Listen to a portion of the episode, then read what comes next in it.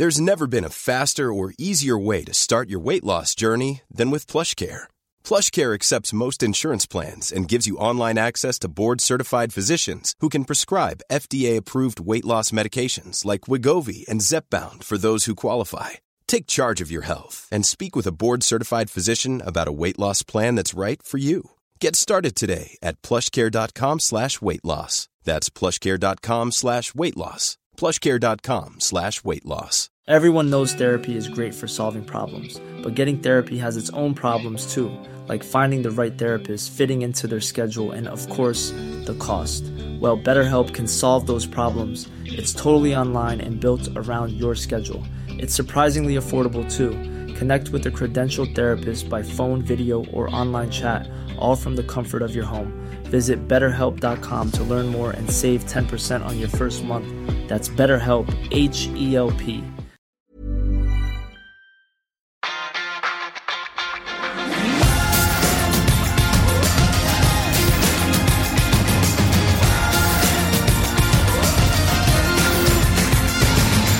Can't believe it. Football, bloody hell. We are happy and fortunate to welcome the one and only Rod Thornley to our very own podcast today, and you are soaking wet, Rod. Tell I us am, why. yeah. Well, because it's uh, it's it's August and it's Manchester, so obviously it's going to be raining in it. First day of the season, it's absolutely pouring down. I just got the tram in, and I got stuck in a flash flood. Ten minutes and just got soaked. Typical Manchester, really. Not the best of starts for you personally, but how are you? Yeah, I'm good. Yeah, I'm good. Um, plodding on in life, uh, having fun. But yeah, I'm good. No pressure, Rod, but uh, we are really looking forward to listen to some of your best stories, uh, the ups and downs, the people you've met along the way, the trophies, and the most memorable moments during your time at the club. And now it's your time to shine. Uh, and why don't you take us back to when and where it all started at Manchester United for yours? Yeah, okay. So um, this goes back long before I was working there. Um, this goes back to the days when my brother was part of that famous class of '92. Um, because of that, we had we became good friends with the likes of you know the Beckham, the Neville, Scholes, but Giggsy. We'd known Giggsy anyway through Salford Boys long before that. But um, um, I was at the time I was over in um, Salford working as a lifeguard, and I got a phone call in 2000 when United moved into Carrington. Like they needed a lifeguard. Would you want to come? So I was like, yeah, definitely. Let's have a bit of this. And I give up a 40 hour week job to gamble on 10 hours a week. Hopefully something would have come of it. And something did. Within a couple of weeks, they'd sent me on a course to down to in, in, in Cardiff for this massage course. And within a year, I was qualified and working with the first team every day. And, and the rest is history, shall we say. I got very lucky. You've uh, grown up as a United fan? Yeah. That so- must be special. Yeah, well, where I'm from, I'm a Salford lad, and ninety-five percent of people in Salford when I was growing up were were Man United fans. Um, yeah, it was special, very special. Yeah, um, to work in that dressing room for so many years, and to be a massive, well, that's not a massive, a big part of it, um, and to have quite a big influence in there as well at times was was enjoyable. Yeah, it was a dream come true, really. Yeah. I think the next step down from actually playing for him, I got lucky. Yeah. So uh, obviously, there's been a lot of memorable moments for you personally. I I guess. Um, which story or moment comes to mind immediately when we ask you to share a memorable moment? I think one of the one of the most memorable was when I was actually away with I was actually away with Gary Neville at the time on holiday, and I got a phone call. or Gary got a phone call from David Beckham, and it was the year after I'd started working at Carrington, and it was David Beckham saying, "Do you think Rod would be interested in doing the England job?" And by hook or by crook, someone had left the England setup, and they needed someone to replace him, and my name was thrown in. Obviously, Bex was captain at the time, and, and that'll always stick out in my mind because on the uh, on that same week that I was there, that I remember the Man United physio ringing me as well, and saying there'd been a problem with the guy that normally travels with uh, the team everywhere, the the massage guy. Who wasn't actually qualified in massage? He was just been around the club for many, many years, and a lovely bloke. Um, but he was pushing retirement. I think he'd got a bit of illness, and that same week I'd, I'd been asked to do the England job, and my first ever pre-season tour, which was in the Far East, in Thailand and in Japan, and all- I think it was Japan as well. I can't remember when it exactly was. But yeah, and I, it was just all in one week, like my whole world sort of like blew up. Like it was amazing, really. Uh, it was a good summer. That a very good summer. You spoke about uh, having an influence in the dressing room, and I guess every United fan's dream is probably to be a part of that dressing room. Uh, we see some clips on social media, but can you try to explain how the atmosphere uh, is inside the Manchester United Well, dressing you, room, You know, or how it was back then? you know, like every single dressing room all over the world in most sports, there's camaraderie and there's there's there's fun, there's enjoyment, there's laughter, but there's times to be serious. But day to day uh, uh, in that dressing room, lads would just be lads would be lads every single day, you know, and it wasn't always like serious, serious, serious. But once they went out onto the pitch, yeah, you, you had the job to do. That was your job. You couldn't mess about there. But once you were in the dressing room, lads for years and years and years were were messing about and cr- like practical jokes and things like that. It just happens it's as as you'd expect in a in a in a in a, in a lad's domain in like a male environment. Um, there was always the, the, the characters that would instill sort of like beliefs and and and this is how we should do things. This is the Man United way. You know the Gary Nevilles, the Roy Keanes. I know you can't be late. You should be on time. Blah blah blah blah. Them sort of things. Um, be professional when you're on the pitch. You you you train like you play. That was always a big thing at Man United. You trained as you played, um, and uh, I think you found that a lot when when players would come to the England setup and there'd be a big contingent of Man United players in that England setup, and they'd they'd see how Man United players trained every day, and they were from what I remember, and especially in the early two thousands, the, the you know the Tottenham players, the Chelsea players, the, it seemed like their intensity at training was nowhere near the levels of a Man United player. So that sort of like helped the England setup improve as well at the time, you know. But um, the Man United way was, you know, you train hard, you play hard, but behind the scenes they were they were a good team, and they were for a long, long time they were definitely a togetherness and a and a and a good group of lads that enjoyed each other's company.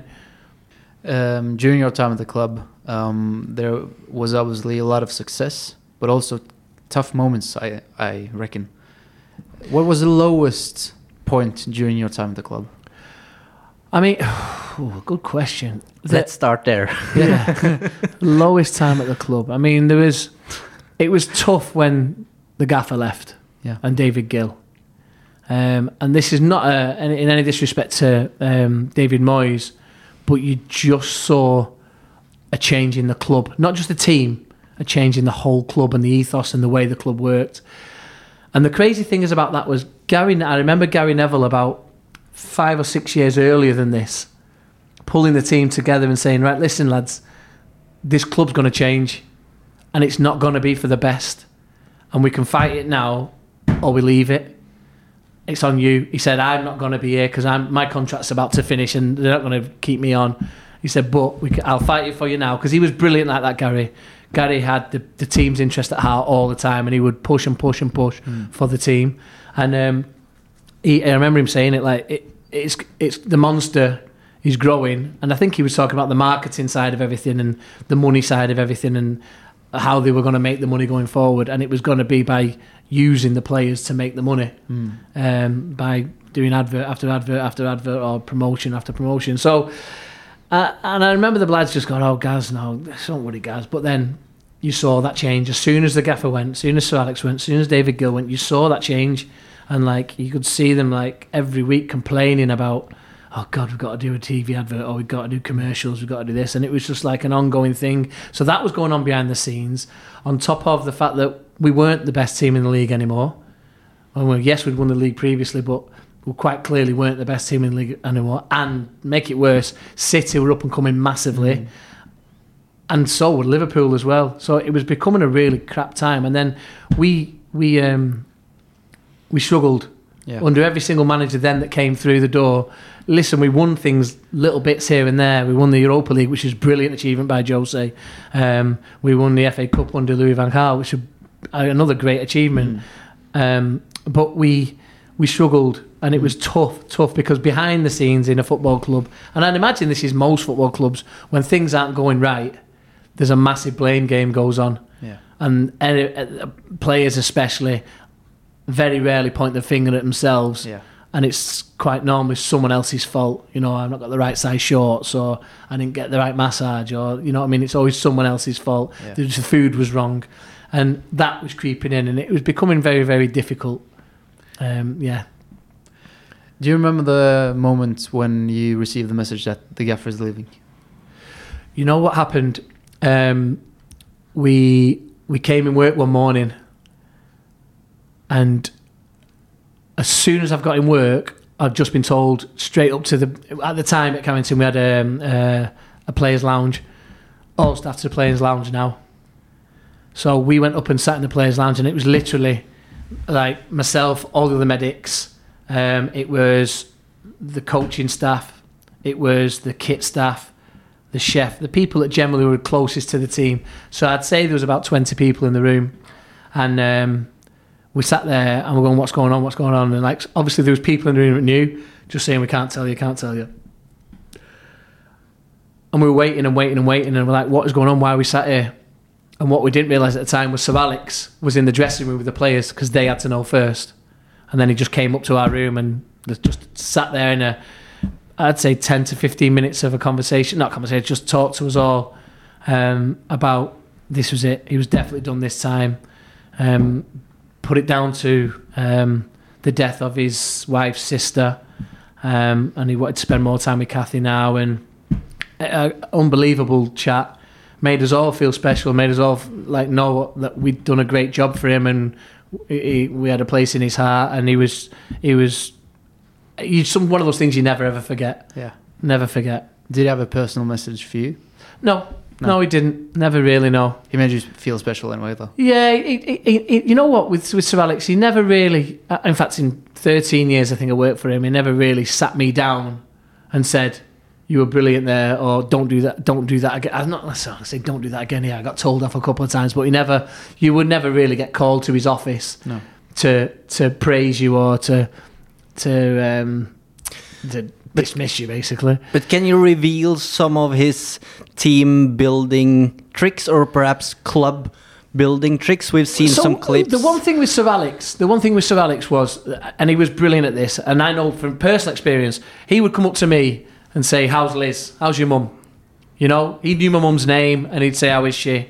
And how's your dad? Is he good? Is he still uh, like headmaster? Blah blah. He wasn't by this time, but he, he knew everything about them, and that was just me. And I knew that every single member of staff, whether you, forget whether you travel with the first team, if you worked in close closeness to the office staff that don't go with the first team, he knew everything about everyone. And he made it his business to when he actually saw you and, and was in a good mood, obviously, he mm. needed to be in a good mood, but when he saw you, he had something to talk to you about and he made you feel as though, God, he's actually interested in me. And that was a brilliant quality he had.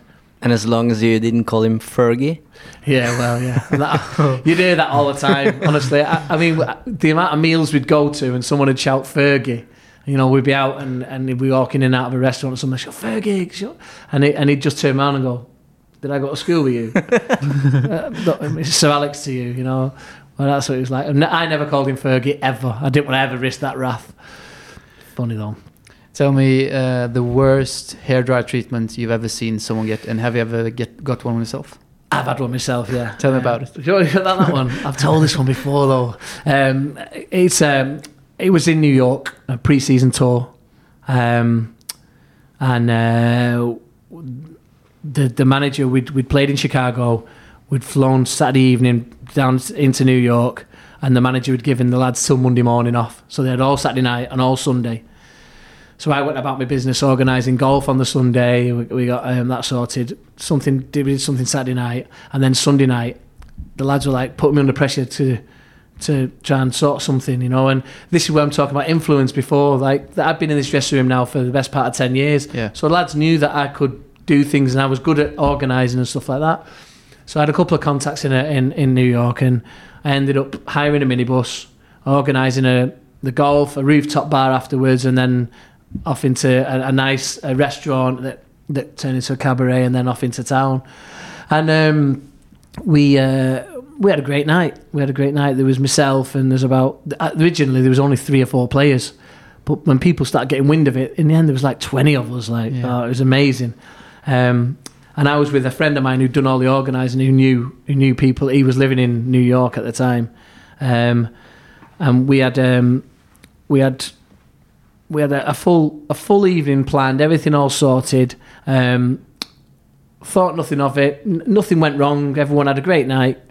Monday, got up, went to training. On the uh, on the Monday night, the New York Times printed a um, a story about Manchester United out in Manchester in um, in New York in Manhattan having a great night, and they printed a couple of pictures, and one of them was was through the window of a, a restaurant. It turned into something like a cabaret. Giggsy was dancing on a table, and there was a couple of girls knocking about, but.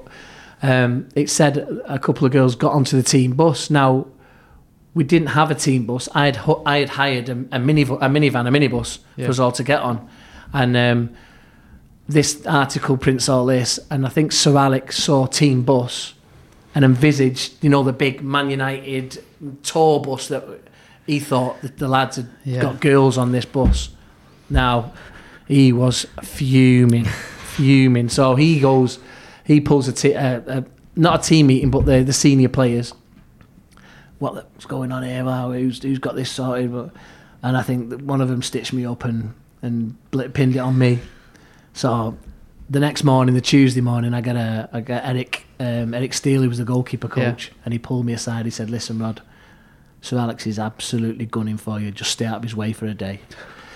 I'm like, oh my god, it's a sinking feeling. It's horrible. 'Cause I thought, you know what, no one's going to be bothered, you know. But he was fuming, and it's only because he misinterpreted the fact that there was girls on the team bus. So that never happened. Never ever happened. Anyway, um, I got through training, no problem. Um, come back to the hotel, got to uh, mealtime, and I was a couple of minutes late. But it was always quite casual there. You could be anyway. I walked in the room. All the tables are full apart from one table. It's completely empty. So I grab my food and sit down at the table. And I'm looking round and I'm thinking, who's not here? Oh, there's one person not here. The only person not there is Sir Alex. I'm thinking, oh God, please don't come down for lunch. If he comes down for lunch now, there's only one place he can sit. Next person through the door, Sir Alex. I'm like, oh no. so he gets his food and he comes and sits right next to me. A big table like this. He comes and sits there. Ah. And he looks at me. He says, "You were out with the players last night." I know that two nights ago. I went, "No, I wasn't, boss." Like blatantly lied. Like I wasn't, boss. He said, "Yeah, you were." He said, "You shouldn't be out with the players." And then he, his voice just starts getting higher and higher, and he's swearing, and he's and he's and he's just looking at me. He says, "You're not an effing player. You're a member of staff. Don't you ever?" And just by now he's screaming and shouting at me, shouting at me, and the other tables are looking round, and I'm just going, "Oh no." Oh, killer, honestly. And he just had a massive, massive go at me. Um, and then and we walked away. And I was like, the rest of the day, I was like, I felt so low. I felt it was terrible. It was honestly a terrible feeling. I actually thought, well, they could sack me here. I'm- uh, He could be just want me out because that's that's quite easy, an easy way to get me out. Um, but um, next morning, woke up and got in the lift, came downstairs, doors open. Who's the first person right in my face? Sir Alex. And I just looked at him and straight away just went, Morning, Roddy Doddy. And it was it, done. Yeah. Done. Man management, brilliant. And I just went, Oh, thank God for that. So he told me off, and that's it. Yeah. Finished, done. And that was brilliant. Brilliant. Great man management. Probably the the the biggest snap I ever saw him do. Um, and I was one of the only ones to see this as well because um, it was from half time. He got in the dressing room. I was just behind him, and the first person through the door was Nani. It was Rangers away, and Nani had spent the whole of the first half diving about, rolling around, pretending to be injured when he wasn't. And obviously, it's Rangers. It's that's Sir Alex's team. Yeah. He was fuming with Nani, fuming like. And by this time, there's, there's just him and Nani, and he's and he's he's right in his face, and he's screaming about. And he, he basically said to him, "If you, I mean, I'm not going to repeat the words exactly, but if you ever feign injury again on- my pitch, I'll never play you ever again for Man United." So he hated that. Oh, I hated it. Yeah. Yeah. Especially in that case, it was Champions League Yeah. up at Ibrox. You know what I mean? It was a massive, massive night, Yeah. and I think we nicked it with. I think we got a one 0 win. I think Wayne scored a penalty. Oh. That, that was a long time ago. That though. So uh, when I asked you if he had a kind of personal message for you, he didn't. But how was your personal relationship, if if you had one? With Sir Alex. Yeah. We were we were just you know you'd, you'd be on a bus together or on a on a on a train together or whatever. We, and I'd never sit with him, but we'd always be close by. And it was it, was one of those. He would never call me aside and say, "I need a chat with you about something." Never. No. And I very rarely needed to speak to him about anything. I just got on with my job. Um, uh, he was just. Um, you just knew if, if he needed you, he'd shout you for something. You know, he loved a quiz and he loved to, he loved he loved knowledge. He loved to know things. You know, a, a, good thing of Sir Alex was on a on a train journey down when we played say Chelsea on a Sunday. We'd travel down Saturday afternoon while all the scores were coming through for Saturday afternoon's games, and that was good because we'd all get involved in a little game of, um, you know, how many goals are going to be in the last twenty minutes in, in the English leagues and things like that, and we'd all we'd all fun at doing that, and he, he'd love all that sort of stuff. Um, yeah, it, it was just it was it was just a normal block most of the time, but when he turned, he turned like, and he and when his, his football head was on it, he was different class, different class. Your job is to tell the truth. That's your job. Besides Ferguson, Wayne Rooney was probably perhaps the biggest character in that dressing room. Um, he's been honest, I think, in some interviews that he, he didn't agree with everything Ferguson did. How did you s- see their relationship change through the years? Yeah, you, I mean, you watched it change. Um, Wayne Wayne pushed boundaries at times that he probably shouldn't have done. And he probably looks back and think, uh, yeah, maybe I maybe shouldn't have done that. You know, Wayne Wayne would be um, at times too vocal towards his manager. Um, if I'm honest, and I think yeah, he will agree with that. Um, and it did turn a little bit sour, the pair of them. I'm, I'm pretty sure they've reconciled and they're fine now. But yeah, there was a point where, yeah, I, th- I don't think they could stand the sight of each other. I really don't. Um, but they they they let bygones be bygones, and they're they're okay now. They, they- they've spoke since many a time, and I think Wayne speaks to him for advice, and vice and Sir Alex occasionally checks in with him. Um, but Sir Alex will know he he gave him some unbelievable years. How was how was Wayne in in that dress, dressing room with Rio and Wayne was the, focal point of it all, you know, uh, especially as the, the class of 92 started to leave. You know, there were, we were left with only Gary Neville in the end.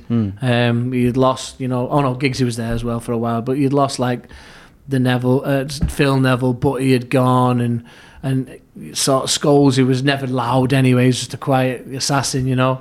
Um, and Wayne was always like the the main guy in the dressing room, uh, always a big prankster.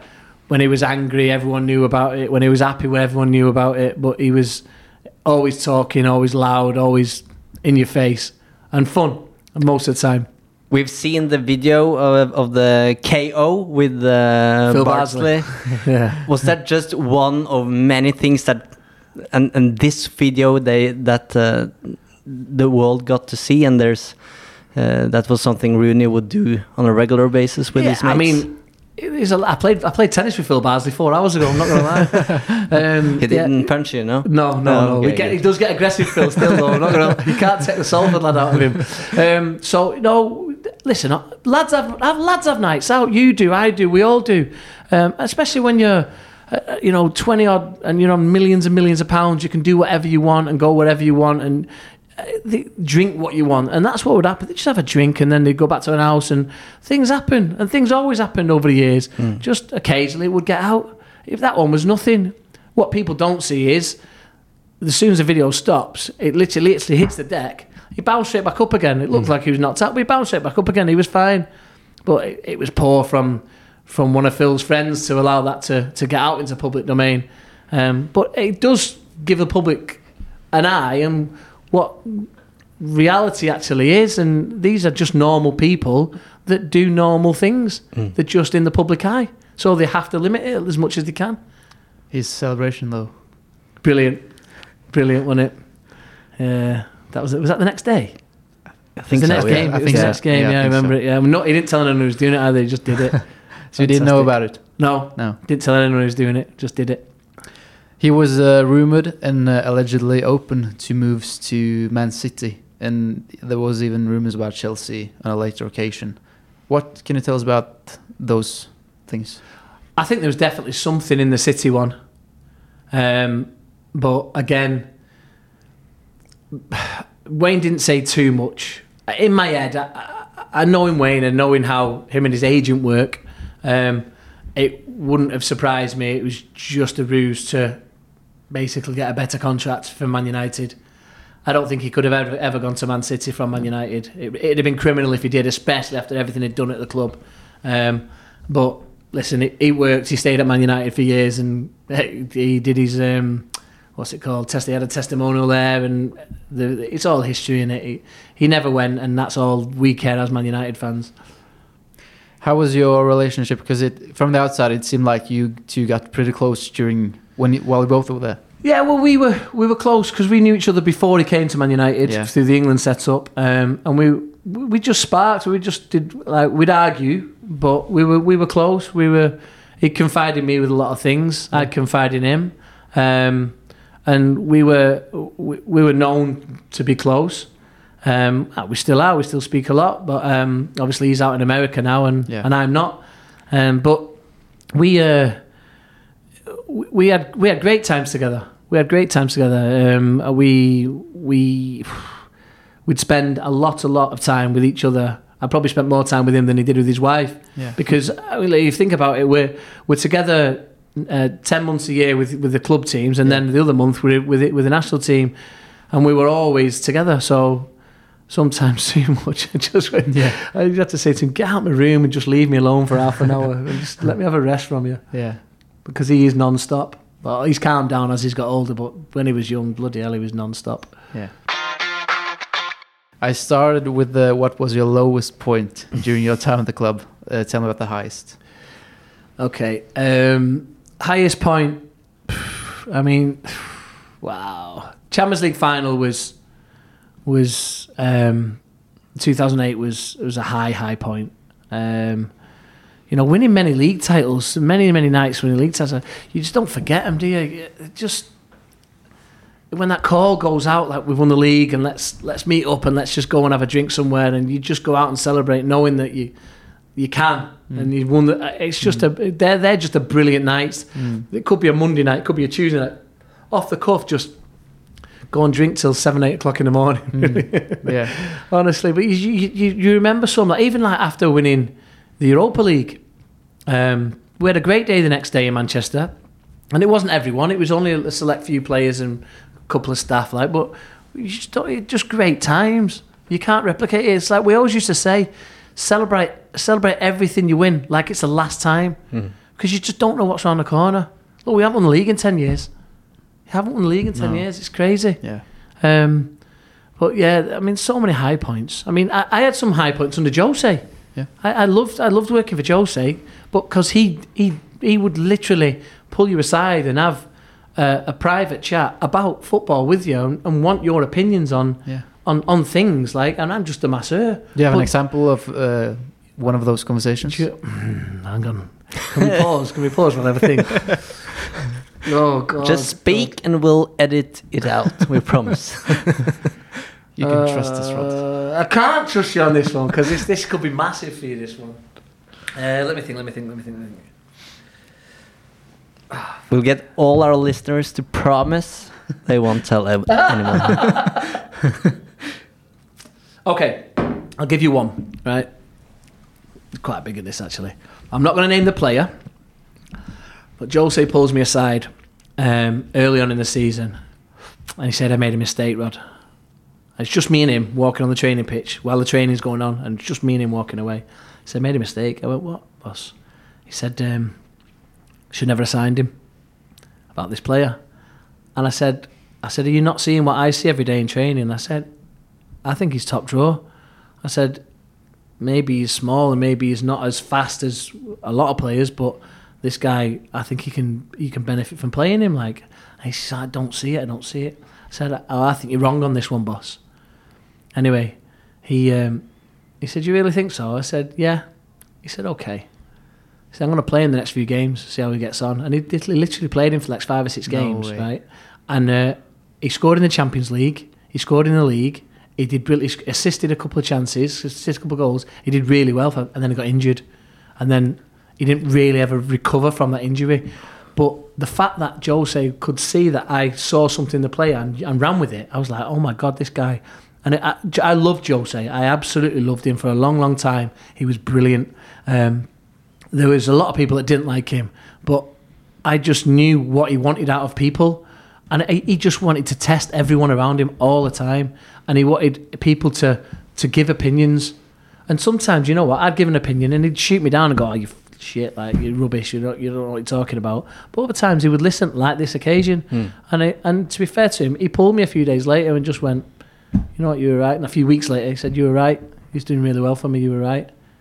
Um, but that's, that's but I think people in life need that around them that Yeah. a second opinion that they're maybe not getting because the people that are really close to him are just yes men. Yeah. And I'm not saying that all of Jose's people around him were yes men, but you know there is there is the that does happen in football.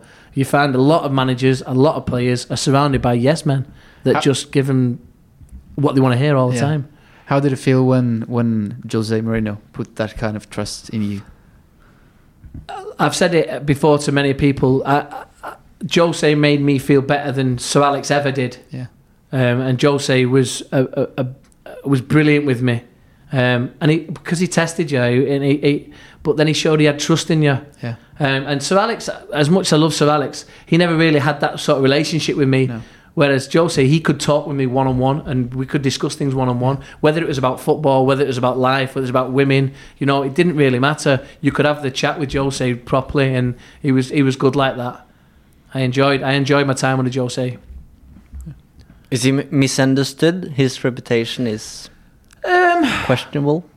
listen, eh, we, we the whole world can see that Jose is a little bit pet, petulant. You know, he can be petulant, and that's that's that's who he is. But uh, for me, he just likes to test every single person around him.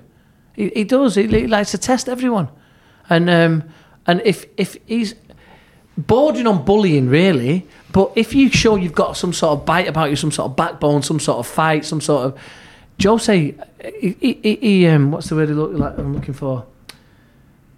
I don't say loves that in you, but like he, he, he, he appreciates you more, you know, and he, your honesty, and he, you've got a bit of integrity about you, and I, I think he, um, I, I think he is. He goes about some of his things the wrong way, and he, he probably knows that as well. But he's um, he's he's he's a, he's a fantastic manager and has been for years for for one for the reason he, sh- he wins he wins medals he wins trophies. He um, I'll tell you I'll give you one on Jose. He left the club. Yeah. And towards the end of the towards the end of his reign, we kind of fell out because I disagreed with the way that he was doing things, and I, I just wanted to try and promote a bit of positivity in the dressing room when it was so flat and so negative, and it really was. It was it was a terrible dressing room to work in. Everyone was mopey. He was just a, he was a miserable sod, Yeah. and he, he, he acted like he just didn't want to be there, and we all had to just put up with that, you know, and he would bark his orders out and you know, curse and swear and, and insult people, and that's what Jose does. Hiring for your small business? If you're not looking for professionals on LinkedIn, you're looking in the wrong place. That's like looking for your car keys in a fish tank. LinkedIn helps you hire professionals you can't find anywhere else, even those who aren't actively searching for a new job but might be open to the perfect role. In a given month, over 70% of LinkedIn users don't even visit other leading job sites. So start looking in the right place. With LinkedIn, you can hire professionals like a professional. Post your free job on linkedin.com/people slash people today. Everyone knows therapy is great for solving problems, but getting therapy has its own problems too, like finding the right therapist, fitting into their schedule, and of course, the cost. Well, BetterHelp can solve those problems. It's totally online and built around your schedule. It's surprisingly affordable too. Connect with a credentialed therapist by phone, video, or online chat, all from the comfort of your home. Visit betterhelp.com to learn more and save 10% on your first month. That's BetterHelp, H E L P. Denne episoden er sponset av Hello Fresh. Nå som det drar seg mot slutten av en lang sesong, trenger vi United-supportere skikkelig næring. Med gode og ferske råvarer fra Norge gjør Hello Fresh det til en lek å lage de herligste retter fra hele verden. Du velger bare hvor mange som skal spise, og hvor mange oppskrifter du ønsker ukentlig. Så får du alle ingrediensene du trenger, levert på døra. Personlig syns jeg det beste med Hello Fresh er at du kan skreddersy din egen ukesmeny. Du kan velge fra fem forskjellige kategorier – vegetarisk, familievennlig, rask og enkel, fisk og grønnsaker, og smaker fra hele verden. Med 25 fristende oppskrifter hver uke kan du bli like uforutsigbar på kjøkkenet som Garnaccio er på Vingen. Selv må jeg si jeg er spesielt svak for asiatisk taco og den portugisiske kyllingburgeren. Som Uno-lytter kan du få opptil 1779 kroner rabatt på de seks første matkassene dine, og gratis frakt med første leveranse. Så det er bare å komme seg inn på lowfresh.no og bruke koden FreshUnited. Dette gjelder for de som ikke har prøvd Hello Fresh ennå, og for de som tidligere har vært kunde, men som har stoppet abonnementet for minst tolv måneder siden. Um, so I went the other way, and I was like, well, I'm trying to promote a bit of fun and have a bit of games in and around the medical area and stuff like that. And he didn't like that, so he kind of fell out of me in the end. But six months after, and I've now left the club. He's now left the club. We reached out to each other, and um, I reached out to him first. I'll be honest, and we talked um, over text, and then he actually asked me, "Where did I go wrong at Man United?" Yeah. and I, sp- I gave him at both barrels. I gave him my honesty, like, and and, and everything. Uh, uh, what I thought he did wrong at Man United, and it, all he did was just thank me for being totally honest with me, and said to me, actually, I knew I could always rely on your honesty with me. Was his negativity one of the keywords why it went wrong? Um, yeah, it, it it really was. Yeah, he, he um And how much did Paul Pogba play into that? big, big because they didn't get on. Paul didn't help himself. Jose didn't help himself. So you got two characters there that are very, very, very high profile. Both wanted to be one number one, um, and obviously Paul was forever injured um, and and not playing games, and that was frustrating for Jose. He doesn't like players like that anyway, um, and Jose just wanted Jose just wanted his team to to to be big, strong athletes who would never get injured and, and work and work and work. And he didn't really care much for this social media side of it all, you know. And the, even though he has his own social media, like he didn't really care much for the promoting the lads themselves, and uh, that was just loggerheads that that they just didn't like each other. Simple as that. There was a distinct dislike. Um, but I know Joe and I know that I think if he met Paul Pogba separately now, I think they'd be they'd get on and they'd sort of they'd square it all up. I think in a football environment, Jose finds it very easy to to completely dismiss people and fall out with people. Um, but outside of it, I think he's a good bloke. Did he fell out with many of his players? Um, no, no, no. It didn't really fall out with him. He'd be negative towards some. Yeah. He'd be negative towards some, and um, those those lads would really struggle to deal with that. But it didn't. He didn't fall out with any uh, many. He he did fall out with Paul. Yeah. Definitely fell out with Paul. Yeah. Um, but How no. did you see the treatment of Luke Shaw? poor, poor. But I'll, I'll tell you a story on Luke Shaw. I knew we were going to get to Luke in the end. I remember one day he came into the training ground and Jose walks in the dressing room, uh, and in front of everyone, he just went. No, actually, let me. Let me in a, in a not nice way, um, just said, "You were poor yesterday," and walked out and left it at that. So I remember Luke's head had gone, and I know Luke quite well. I'm quite close with Luke, and I said to Luke um, soon after that, and I said, "Listen, he's looking for a reaction in you." I said, "Next time he says something to you, bite back, say something back, and see how you get on after that." And I remember he did it again a few weeks later, and Luke snapped back. And I tell you, Jose never had a go at him again. And I still speak to mm. Luke about that. Mm. He, he, Jose never said anything to him again. So he kind of liked that reaction. He from wanted Luke. that reaction. Yeah. That's what he, he, he promotes it. Yeah. If you could, if you've got a bit of spine about you, Yeah. he likes that in you, and that's what that's what makes him different as a manager. Yeah. Yeah.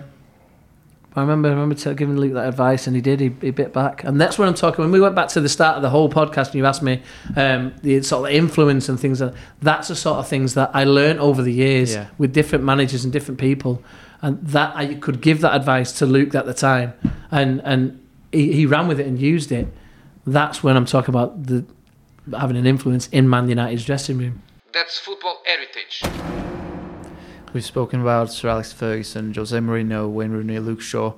Uh, from all the people you met along the way, who made the most impression or the be- the best uh, or had the most influence on you personally? Influence. Ooh. I mean, you'll never you'll never forget Roy Keane, Roy Keane's sort of anger and animosity towards like being being the best at what you are. You don't you, you always remember that, and you you kind of tried to to pass that on as much as you could once he'd left. Um, and it was the tough thing was the tough thing was with that you know the, the once Roy had left and that sort of the class of '92 was sort of leaving towards the end of 2000, then you realise that social media was actually a, a big thing, but we were still sort of stuck in the in the old days that it wasn't. And when you looked at social media, it's like, what's he doing on social media, the idiot? You know what I mean? And you were trying to sort of like stop the lads from putting out the whole lives on social media, but then actually, it, it, it- that's what they do nowadays. That's sort that, but so that was a that was a problem, the social media side of it all. But just just Roy Keane was was was a big influence. Um, um, who else was a big? I mean, Gary Neville was a big influence because he was he was such a he was such a stickler for making sure the team were, were looked after properly and did the right thing.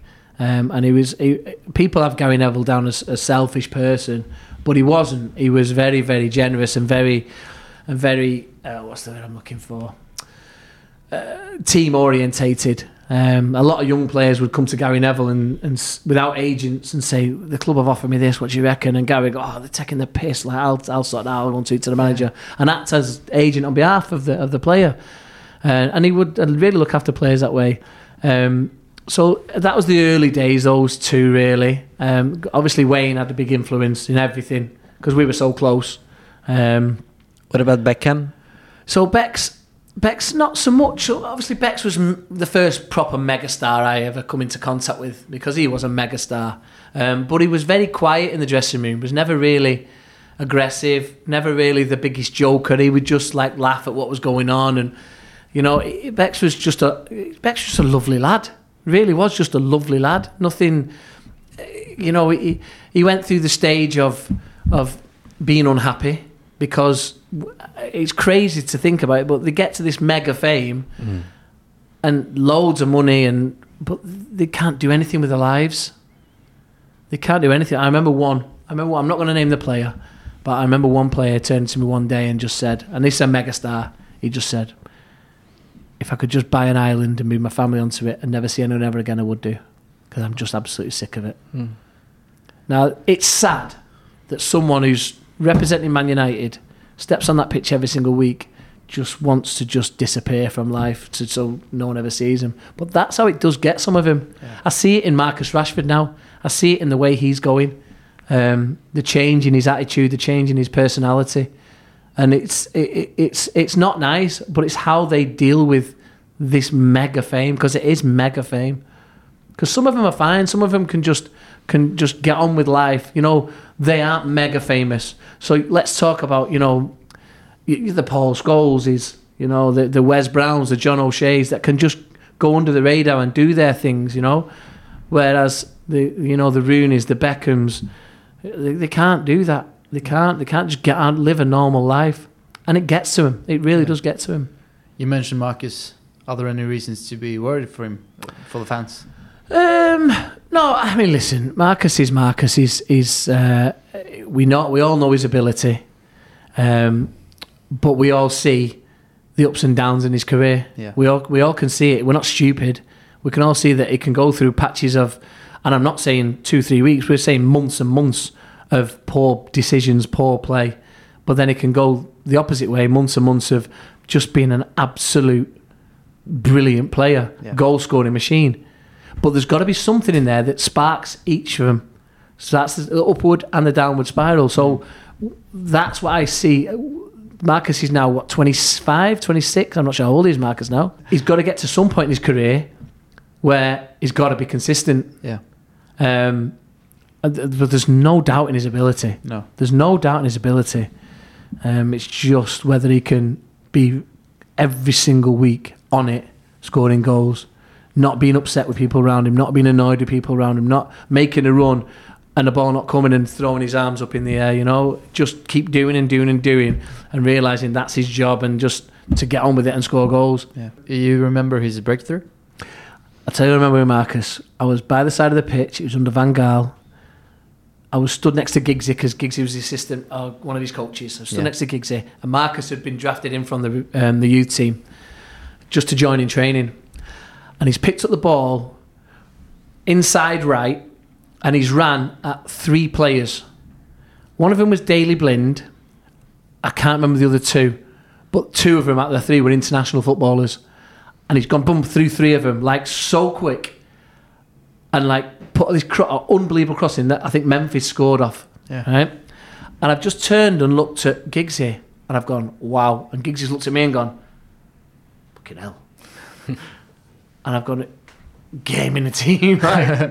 and it, it was just one of those things that you just never ever forget. And then by chance, he ends up um, starting a game that he shouldn't have started, scores two. Yeah. Midtjylland, was it? Yeah. Midtjylland. Yeah, of course, yeah. And then starts again at weekend against Arsenal and scores Yeah. another two. Yeah. And the rest is history. Yeah. But was- going off that though, you remember that? I remember that Marcus. Yeah. He was a happy, lovely kid, like just absolutely buzzing to be about the place, just lovely. Yeah. I watched that go out of him. I would literally watch that go out of him, um, and it, every now and again it'd be there, but it was never as consistent, you know. And that is what changes in the players. And is that because of this, the, the pressure? It's massive pressure, the intense pressure, and scrutiny. Like every single thing you do is watched and analysed, on the pitch, off the pitch. Doesn't matter what you do. Do you have kind of one player that his his abilities was world class, but he couldn't cope with the pressure? I think we have him now at the club, Yeah. Who is he? Anthony Martial. Yeah. I think he's, uh, Uh, some of the things I did see him do on the training pitch, best I've ever seen a player do ever. England, United, my own stuff, best things I've ever seen him do. I just don't think he's got it up here to convert it into into full time football because the pressures. I don't know if it's the pressure, but the injuries are build up. They build up. It's constantly something new. I think know him because I did work with him. It's not as if like you know, he's one of those players that I think he needs to be 100% fit Yeah. to play for Man United. Whereas, I'll use Ryan Giggs as a prime example. I don't think Ryan Giggs was 100% fit for the last 23 years of his career. No. I think he always had something wrong with him, but he just played. And uh, that is a, a mental thing. Yeah. Because the, the fans seem to think that he, he doesn't care.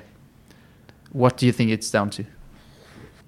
I want to say he does care, but I just I just don't know. I just No. don't know what goes on up there No. to to to for him to to stop constantly and and sit on the on, on the treatment bed. Um, there can't be that many problems with him, but there seems to be. I mean, I don't know what's going on in the last five years. I've not been there, but even when I was there, like it, it, it was the same. Like there was always something niggling away at him. Yeah. It's as if he's, he's constantly thinking, "I've got something wrong with me." Yeah. But if I'm, sh- I'm telling you, some of the things I used to see him do. If he could just put a season together, you'd see he could be one of the best. Yeah. He was honestly, he was brilliant on the training pitch.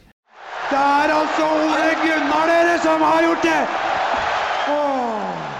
Um, we are from Norway. Uh, my biggest idol while growing up was Ole Gunnar Solskjaer. You worked there while he was a player. I did. Yeah. How was your relationship? Fine. Me Yeah. and Ollie got on really well. Yeah, he was a. it- well, I was. I worked with him. Oh, sorry, I used to treat him all the time when I was when he was a player. But then he came back as the reserve team manager. So I used to chat and we, and we used to have a five aside on a Friday afternoon. and Always play. He was always the best player on the pitch. Yeah. His finishing was a joke. But by that time, his knees were shot at as well. Yeah. Um, uh, but a lovely guy. A, a really, honestly, a lovely, lovely guy. Um, I don't think I don't I know anyone who could say anything bad about Ole Gunnar Solskjaer. Um, unfortunate uh, in his managerial role at the club. Um, should go on to manage big clubs again. Um, when that's going to happen, I don't know. But I mean, people forget he put a, uh, records together as Man United's manager. You know, consecutive wins and that sort of home. Is it home wins? Was it? Or was it wins? or undefeated for X amount of games. And Wasn't that away games? I think. was it undefeated away? I, think can't so. remember, but he, he, he Yeah. did. He, Yeah. he did unbelievable. Yeah. Um, and uh, he, he he he leaves the club in because players come in and, and think they're bigger than him or don't don't want him there, and it's it's unfortunate and unfair, but that's football. Yeah. that's football. Um, but a great a great great bloke, Ole Gunnar. I've seen some videos of you scoring goals. I've also heard that you were a goal scorer while playing for Altrincham. Who was the best finisher of of the, the two of you? I mean, of me and Ollie. God, Yeah. Jesus Christ, Ollie Gunnar. Ollie Gunnar is one of the greatest finishes I've ever seen in my life. Yeah. Um, and there's, I mean, I've, I've seen some fantastic finishes. Um, Ruud van Nistelrooy was an unbelievable finisher. Ollie Gunnar, an unbelievable finisher. This is going to sound stupid, right? But Man United have got in their youth youth team coaching setup a guy called Colin Little, who played for Crewe, Okay. and he played with me at Altrincham as well. Yeah. And honestly, as finishing goals, there's none better. He was unbelievable, an unbelievable finisher. Didn't have the best attitude, but a brilliant finisher. Hmm. In fact, I think Marcus does one-on-one coaching with him every now and again Okay. to improve his finishing Yeah. because he's he, he was such a good finisher. Yeah. And didn't Solskjaer speak about Luke Shaw as a quite good finisher? Luke is a good Yeah. finisher, good free Yeah. kick taker as well. Luke, yeah. Luke just needs a rocket up his backside every now and again, but I think he's he's improved the last year, especially. Yeah. Um, well, we don't have to sign left backs anymore just to keep him going, you know. So that's a good thing.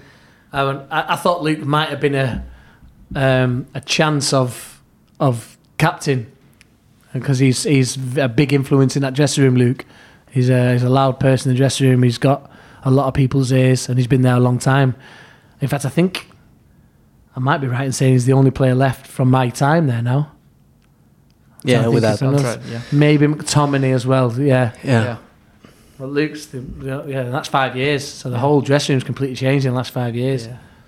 Can we do a qu- uh, improvised quick fire round? Yeah, of course Is that okay? Of course can. Because you've seen your share of uh, training sessions at Carrington. Yeah. So, best finisher, Ruud van Nistelrooy, best drib- dribbler, Anthony Martial, best header, Ooh, ooh, ooh, best head of a ball. Chicharito, was Really? unbelievable in the air. Yeah. Okay, I, know, I I probably know the answer, but the worst tackler. The worst tackler. I mean, everyone's going to say Scholesy on this, aren't they? Yeah. But Scholesy wasn't a bad tackler, actually. Um, eh, so you just like to leave one on people, didn't he, Scholesy? That's all. And he used to do it in training as well. Um, worst tackler? I mean, I've seen Wayne throw some horrendous tackles in. Yeah. Oh, if you upset him in training, he'd try and break your leg. I remember. I remember once, and it's supposed to be quick fire. This I know, but Thomas Kuszczak had annoyed him in training, and someone had put him in a 50-50 with with Thomas Wayne and Thomas, and Wayne just went str- in training. This went straight over the top of the ball, knee high. Both dived in at each other, knee high, all the way up his leg. Like it was a shocking challenge. It was a double red, but that's training. Yeah. That was training. you know what I mean? but that was Wayne back in his lunatic days. funniest guy. Oh, there's some good ones in there. um, Anderson was funny. Anderson was funny. Um, Although we didn't speak very well English. but that's what made him Yeah. funny. Yeah, that's what, but he was. He was. He was funny. He was a character. Eric Djemba-Djemba was funny, and he was a character. Hmm. Um, I'm trying to think of the characters who were funny. So there's- there's different types of funny. Like you can include like Seba Veron, Juan Sebastian Veron, or Marcos Rojo. They were funny because they were top end lunatics. Hmm. Like, but they were funny because of, because of that. You know. Um, trying Nicky Butt. but it was f- hilarious. But it was hilarious, especially the things he used to get up to with Phil Neville. He used to bully Phil Neville, and it was, he was f- so funny with it. Great lad. Who was the most professional? Oh, there's many professional players. Bloody hell. Um, Apart from Cristiano. yeah, Ronnie was professional. Um, Neville. oh, Gary. Gary was. Uh, Gary had to be because Gary wasn't blessed with the talent that a lot of the players were. But Gary worked his nuts off to to be the best he could be, and in the end was the best right back in the country for best part of 10, 15 years. Um, but he was very professional. Um, who else was professional? Gee, was Giggsy was professional. Surprisingly, people, but Giggsy would like he would do everything he could to to make himself last as long as he could in the game. So Giggsy was dead professional. Um, Chichi was professional. Chicharito was very professional. Yeah. We have this big character. I think we we we'd like a label on, and that's Ibrahimovic. W- what award will he give him? He was a big bully. He was a big bully In a good way, or Okay, so what I think uh, the way I think it worked was I think that Jose turned to Ibra and said, "I want you to come in, but I wanted to test these lads. I wanted to test them." Um, and he did. He came in and he, he would tell players they were shit. He would tell players they were they were useless. They were rubbish, and and any anyone squared up to him or wanted to, he would easily fight anyone. You know, he but he was entertaining. And again, like Joe say, if you answered him back, he had a little bit of respect for you. So he'd bully a few staff and he'd bully a few mem- a few playing staff, and I'd always answer back to him and have, have a bit of banter with him. And he he he wouldn't bully me; he would just have the laugh with me. But he would he would be a bit of a bully with people. But he was listen. There was no doubt he was a talent. There was no doubt he was a talent. Um, but he was right at the end of his career when he got to us. I, I thoroughly enjoyed my time with Ibra. He was he was fun to have around. You mentioned the word uh, fight. Have you seen any bust ups on, on the training ground? so best fighter? Yeah. or the worst bust up? I remember seeing one with um, uh, Anderson and, and Vida. Okay. Anderson and Vida had a had a bust up after off the training pitch. That was that was I'd, be, I'd pay to see that. Yeah. What happened? yeah. Um, I'll tell you what, the winner wasn't who you'd think it would be. I'll say they won the winner.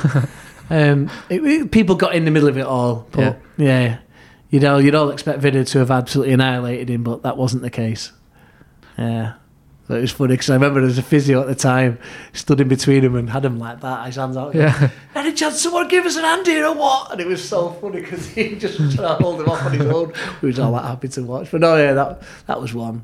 Um, that was a good one. But a lot, a lot of the time, things did go on on the training pitch, but as soon as you stepped off it, it was done Yeah. and finished with. Yeah. Is that also kind of a healthy sign that the the competition on the training ground Yeah. and the camaraderie is so Yeah, good that yeah, yeah. you're you could have a bust up without it being dramatic? Yeah, yeah. I mean, it was very, you, you couldn't afford to have a dressing room with fractions in it, and you know, and, and people not liking each other. It, although it does happen, you you you needed to promote camaraderie as much as you could and togetherness as much as you could. Um, so it did. It was very very rare that it, that anything actually did spill out and occur.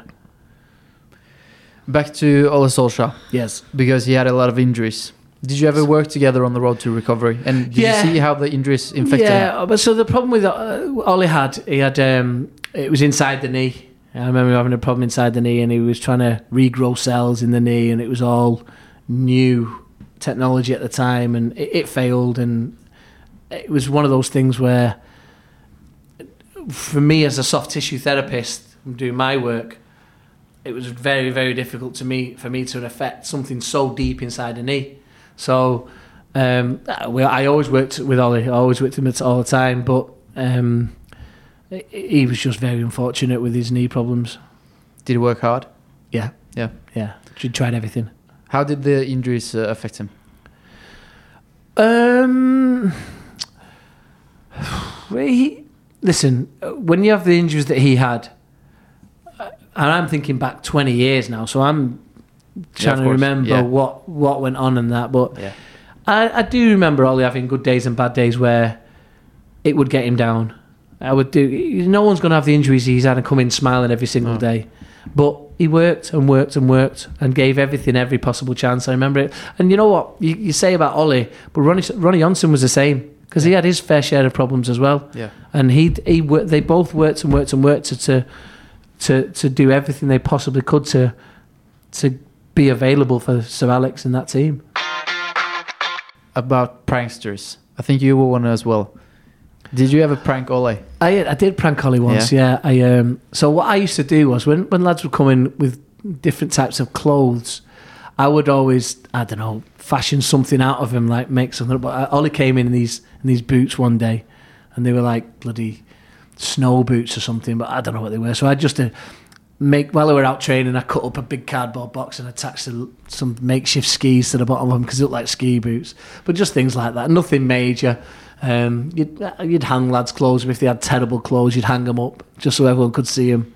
Um, bad shoes, you'd do things with them. What Just- what did you do with his shoes? I remember someone like, what, oh God, what player was it? One lad come in one day with these like boots, but they look like, you know, they look like 1930s football boots. They were brown and leather and just horrible. So I just got a load of blue tack and stuck studs to the bottom of them and just hung them up like these, Yeah. so these terrible stud, studded boots from like 80 years ago. I think we're about to run out of time, Rod. But um, do you want to finish off with a story, or do you have anything, Chad? Uh, no, no, no. I'm putting pressure on here. Sorry. No, I know. Um, story wise, no. I'm listen. We're about to go into a new season. I want to just win it. Yeah. I want to catch City up and just want to win this league again. Yeah. Because it's been too long. Ten years is far too long for us. How crazy will it be in these streets when United win the Premier League again? Well, we do it every single time we we compare, you know, City's victory parade to compared to Man United's victory parade, and um, it's chalk and cheese. Like Mhm. they're they're literally hanging out the windows, hanging off scaffolding. They're everywhere when Man United win the league, and it's not the same with City. I mean, fair play to City, they've done what they've done, but it's just not the same. There's millions coming to Manchester when Man United win the league. Um, and that, yeah, there's a story then. So the last time we won the league, I think it was last time, we started off at the cathedral down here, and we went straight down Deansgate, and we're on the bus, and it's raining, typical raining in May, and uh, the lads are all looking round, and the streets are absolutely full, and we've got speakers off the side of the bus. And they're like, someone start the songs off, someone start the songs off. So they're all looking round, Rod will do it, Rod will do it. so they give me the mic. So I'm on Deansgate with the mic, with mil- with like hundreds of thousands of fans. And like, and I'm just going, who put the ball in the Germans' net? and guy- you could just hear the whole street singing it, and all the buses singing it, and it's just song after song after song. And then once the lads got a bit confident because they've seen everyone else is singing, then everyone grabs the mic off me and they're going on. But they always used me to start everything off in the past. Those are things you Yeah. never forget. I think that's a good way to finish it off, Rod. Yeah, Thank you so much. no problem. Thanks a lot. Well No done. No problem.